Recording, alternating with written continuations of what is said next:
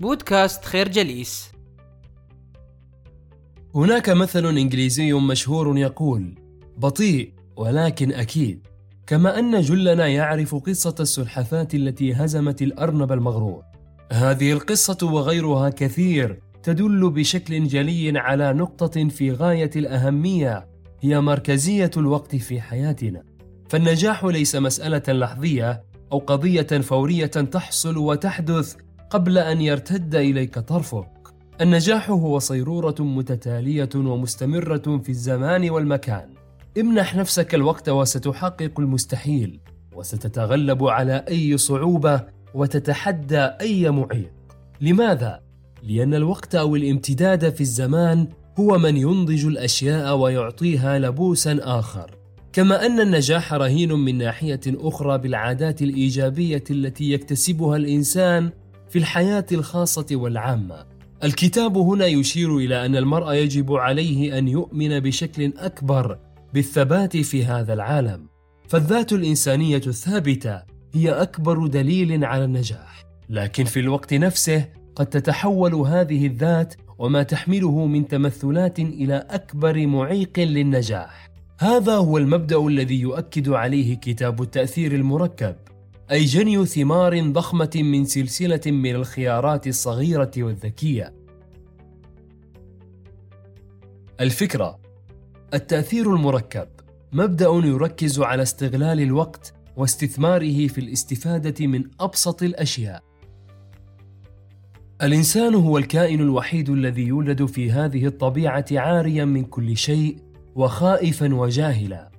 لكن هذا لا يعني أن حياته تبقى عند هذا الحدود، إذ أن الإنسان جزء من الطبيعة، ولكنه أيضا هو من يمتلك بملكاته العقلية حق تسخيرها والاستفادة منها. هذا يدل على أن حياتنا وتطوراتها والمراحل التي نمر منها هي نتاج تراكم كل الخيارات التي نتخذها. وإلا لما أمكن للإنسان البدائي أن يطور من حياته إلى الشكل الذي نراه حاليا غير أن هذه الخيارات التي نتخذها أو نقترحها أو نتبناها هي سلاح ذو وجهين ففي جانب منها قد تكون صديقا لنا أو أسوأ عدو لنا. الخيارات يمكنها أن توصلنا إلى وجهتنا وقبلتنا وأهدافنا كما يمكن لها أن ترمي بنا في مساحات بعيدة لا يلقي لنا أحد بالا في هذا العالم المتسارع والمترامي الأطراف. حياتك اليومية هي عبارة عن اختيارات الأمس ولا داعي للشكوى واللوم. فكل شيء موجود في حياتك اليوم يستمد مشروعيته من اختيارك أمس. الاختيارات تلعب دورا مركزيا في حياتنا وهذا ما يجب الانتباه إليه. فما نعيشه اليوم هو فقط نتيجة طبيعية لما اخترناه في فترة من فترات حياتنا القصيرة. وكي نبسط الأمر بشكل واضح نقول بأن كل اختيار نتبناه في حياتنا يصبح بمرور الوقت عادة فإذا كانت اختياراتنا غير مناسبة أو سيئة فقد نجبر على تبني اختيارات أخرى قد تكون أكثر صعوبة. بمعنى آخر فأنت تقوم باختياراتك ثم اختياراتك تحدد شكل حياتك. الفكرة اختياراتنا تحدد شكل حياتنا في المستقبل. يمكننا أن نقول بأن كل ما نعيشه في هذه الحياة هو نتاج طبيعي لعاداتنا. تلك العادات التي نكتسبها بفعل عوامل متعددة من محيطنا القريب أو البعيد. العادات ليست سلوكات معزولة عن اختياراتنا ولا أيضا أشياء منفصلة عن واقعنا المعيش. فهي أكبر من ذلك خاصة حينما نسمح لها أن تدير حياتنا وتتحكم في مفاصلها وجزئياتها.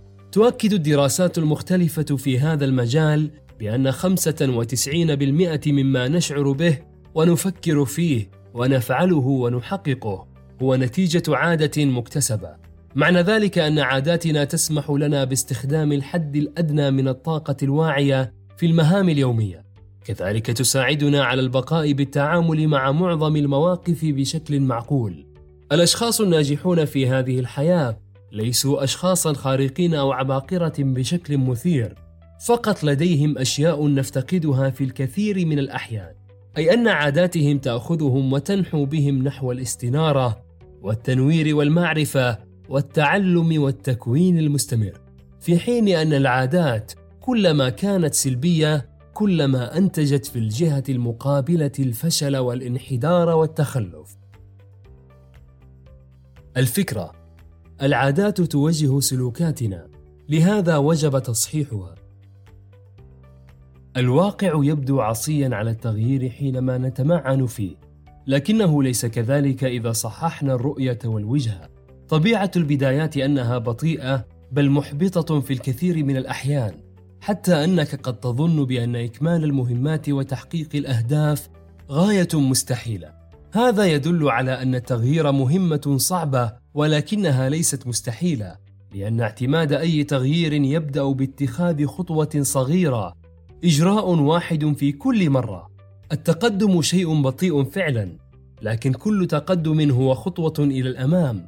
وحينما يتحقق التراكم والزخم يبزغ النجاح بوصفه نتيجة طبيعية للعمل. الزخم أو التراكم الحاصل ليس دوما امرا ايجابيا. بل هو أمر سلبي يمكن أن يعمل لصالح الإنسان ويمكن أن يقف ضده. ولأن التأثير المركب يعمل دائما فإن العادات السيئة حينما يطلق لها العنان ولا تجد من يردعها ويدفعها يمكنها أن تزيد من قوتها وتدفعك نحو واقع مجهول لا تتنبأ بمآلاته المستقبلية وتدفعك إلى دوامة من الظروف الغير محظوظة. الفكرة. قوة الدفع التي تتميز بها العادات السيئة مآلاتها كارثية. نشكركم على حسن استماعكم. تابعونا على مواقع التواصل الاجتماعي لخير جليس. كما يسرنا الاستماع لآرائكم واقتراحاتكم. ونسعد باشتراككم في البودكاست.